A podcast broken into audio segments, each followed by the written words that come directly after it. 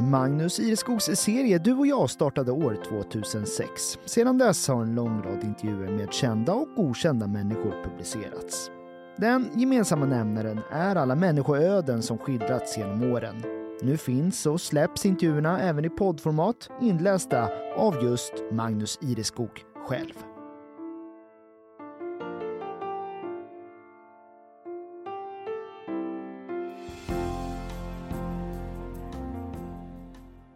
Linus Larsson lämnade storstaden för ett hus på landet. Perifert kan tyckas, men inom musiken är han alltjämt i centrum.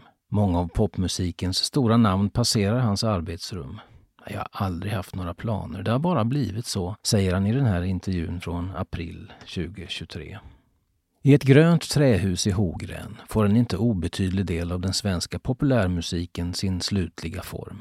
Därifrån har alster av artister som Titio, Anna Ternheim, Ane Brun, Nikolaj Dunger och Mattias Bergeds musik till tv-serien Händelser vid vatten skickats ut i en omloppsbana runt jorden.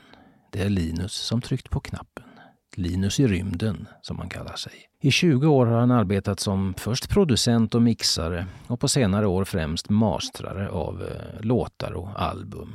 Ja, vi kommer till vad det där innebär. Om det var en framtida dröm? Ja, inte riktigt. Jag har aldrig planerat särskilt mycket, säger han. Jag gör det som är roligt och lever ganska mycket i det som är nu. Däremot har jag alltid haft intresse för ljud. Ja, det är väl en klassiker egentligen. Till allt det där som i ungdomen ville lämnas tilltar ofta en längtan när åren gått. Så var det för Linus, uppvuxen i Väskinde och för många på Gotland känd som gitarrist i 90-talsbandet Midnight Moses, det som sen bytte namn till Monostar. Ja, det är ett tag sen visst, men en evig ros i den gotländska bandfloran och en av de grupper som faktiskt nådde allra längst. Han ville då i de sena tonåren bort från Gotland, men mest ville han till Stockholm. Det skulle satsas på musiken med allt vad det innebär av slit och sena nätter. Det var inte precis något lyxliv han levde med kompisarna Erik Palmqvist och Jimmy Harleby. Dante Enekvist hade vid det laget lämnat bandet. Nej, skrattar han Linus, där vi sitter vid köksbordet över stora koppar kaffe. Minns tillbaka. Det var mycket i andra hand. Ett tag bodde Jimmy och jag i replokalen i Bromma. Jobbade på posten och försov oss om morgnarna. En gång kom chefen och väckte oss. Han var inte arg, bara förundrad över hur vi levde. Monostar lyckades verkligen slå sig fram, kompisgänget som började spela ihop i 12-13 års åldern. De blev superstjärnor på Gotland, turnerade sedan riket runt och gjorde även ett album, Airport, från 1998. Roliga år, galna år, norr till söder. Och när de gjorde sitt allra sista gig vid Hultsfredsfestivalen 1999 var de som bäst. Då hade allt slit givit musikaliskt resultat. Om vi fortsatt då hade vi kunnat bli ännu bättre. Vi hade hittat vår form och identitet vid det laget, men sånt där vet man ju aldrig. Det var inte lika kul längre och det hinner, hinner hända mycket under de där åren. Linus hade alltså tidigt intresserat sig för ljud. Ofta fixade han live-ljudet vid spelningarna, roddade med kablar och mikrofoner. Det fortsatte när han flyttat till Stockholm där han fixade ljudet på klubbar på Tanto vilket så småningom i sin tur ledde till en praktikplats i Decibel Studios i Stockholm. Det kom på riktigt att peka ut hans framtida riktning. Just då, 1999, spelade gruppen Eldkvarn in albumet Limbo med Peter Lemark som producent. Linus gick på fantasi och känsla och utnämndes av Lemark till chef över de konstiga ljuden. Klart det blev en fjäder i hatten.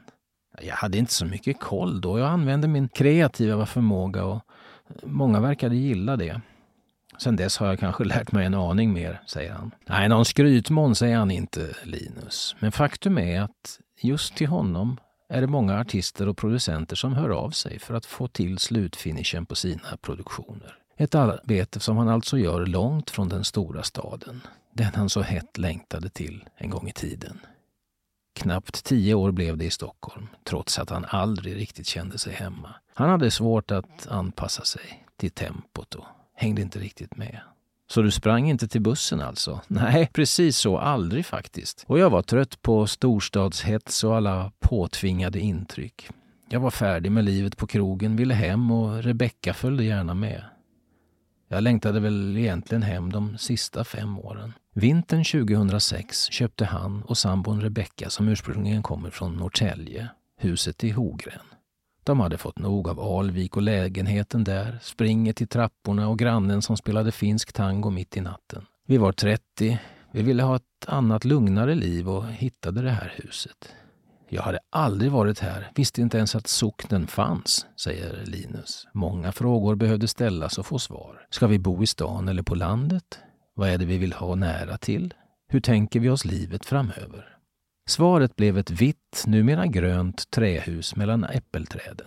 Stora gräsytor, husgrunder som bär historier från förr, blåsten som kommer rullande över fälten och bara ett par mil till Gotlands huvudstad. I samband med det lämnade Linus också den studiolokal vid Hornstull som han delade med Björn Yttling, medlem av bandet Peter Björnen John. Det var helt rätt då och är helt rätt än idag. Du sitter och gömmer dig i Allingsås och skriver killerhooks som Alexander Bard sa när artisten Moa Lignell fick en guldbiljett till Idol för sin låt When I held ya. Jo, Linus mixade så småningom den. Kanske är det så han gör? Gömmer sig? Men nej, snarare en undanskymt är Hogren för honom, världens mitt. Här finns naturen nära. På gården sprätter hönsen och en tupp. Runt husknuten stryker en katt och en bit norrut ligger såväl Visby som Stockholm i den händelse han skulle vilja dit. Det går att göra tvärtom, säger han. Leva i stan och åka ut i naturen då och då. Men vi lever hellre med naturen omkring oss och åker in till stan ibland och kan uppskatta det jättemycket. Men Linus, land och rike runt med ett rockband en gång i tiden. Saknar du inte scenen och att spela inför publik? Att spela med dem man känner väl, där man kan kommunicera utan ord, närmast telepatiskt. Jag är glad att jag har fått uppleva det i så många sammanhang. Men saknar? Nej, det kan jag inte säga. Han har varit där, säger han. Det räcker. Han behöver inte längre den kicken. Kickar går att få på annat håll. Nu drivs jag av att förverkliga andras visioner i de produktioner jag arbetar med. Det är det som intresserar mig. Främst ägnade sig Linus till en början åt att mixa musik. Det innebär att han får sig datafiler tillsända från en inspelning. De olika instrumenten separerade, vilka han sedan ska lägga samman. Massor av kreativa beslut att ta under arbetet. Hur ska gitarren förhålla sig till basen? Hur långt fram i ljudbilden ska sången ligga?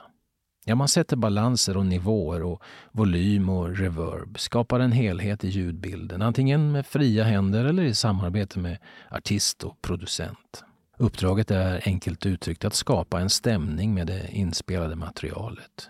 En av Linus styrkor i det avseendet är att han arbetar intuitivt och dessutom är musiker i grunden. På senare år har han främst ägnat sig åt mastering. Det innebär att lägga en sista hand vid en inspelning, steget efter mixningen. Ungefär som att även polera en nytvättad bil. Det är inte lika många beslut som under en mixning man har, men man förfinar ljudet, får till en tight botten och en fin mid, skapar volym och tryck. Det är masteringen jag varit mest inne på de senaste tio åren. När den här intervjun görs har Linus nyligen arbetat med material av Julia Stjärnlöv och Vilma Flod. För närvarande har han två gotländska bröder i datorn, Niklas Collén och Jesper Sacco, vilka båda har varsitt album på gång. Inspirerande, tycker han. Entusiasmen är honom osviklig. I hans värld leder vägarna bara framåt. Att han är nöjd nu är det viktiga. Inte hur det var förr, inte hur det kommer att bli. Reflekterar du aldrig att du hamnat där du är? Ett etablerat namn i musikbranschen? Nej, det är vad det är. Vill du ha mer kaffe? Säger han, häller mer i koppen och säger sen Vet du vad som är det häftigaste med det jag gör? Det är att få något i mejlen som jag aldrig tidigare hört. Lyssna på det och skapa mig en bild av vad jag kan tillföra. Det är så oerhört spännande. Han behöver ingen stor studio, inget mixerbord med hundratals rattar. Inte som Micke Lyander och Tobias Fröberg som båda driver nationellt renommerade studior på Gotland. Det räcker med dator, högtalare och lite annat, förvisso av högsta kvalitet, men ingen stor lokal. Så du livar ett litet remitliv kan man säga. Ja, ibland är det så. Jag sitter här ensam. Men då är det bara att åka in till stan om det blir för tomt. Ljud förresten, Linus. Vad gillar du för ljud som inte kommer från musiken? Ja du, så här års är det ofrånkomligt att inte tänka på fågelsången. Och vattenljud är fint. Och så har jag lärt mig att uppskatta hönsen. Tuppson, han är däremot lite för het. Han, han är rätt oerfaren som tupp och gal alldeles för mycket. Vi pratar om tiden som går. En gång var det en evighet till han ens skulle fylla 30. Nu är han 46, medelålders, vitt i skägget. Vad ska du göra resten av livet? Frågan är svår att svara på för alla, kanske särskilt för en som lever precis nu. Men, säger han, för närvarande vill han fortsätta med det han ägnar sig åt idag. Kanske börjar han spela lite mer gitarr. Just nu tränar han sina gitarrfingrar inför en Tom Petty-tribut. Och jo då, han har märkt att än kan han sätta ett solo, även om det var länge sedan sist. Och sen, när han blir 60, långt fram i tiden, men då, vid 60, då vill jag sitta på bageriet om kvällarna och spela blues, som han säger. Men låt oss nu knyta ihop säcken genom att återvända till ungdomen.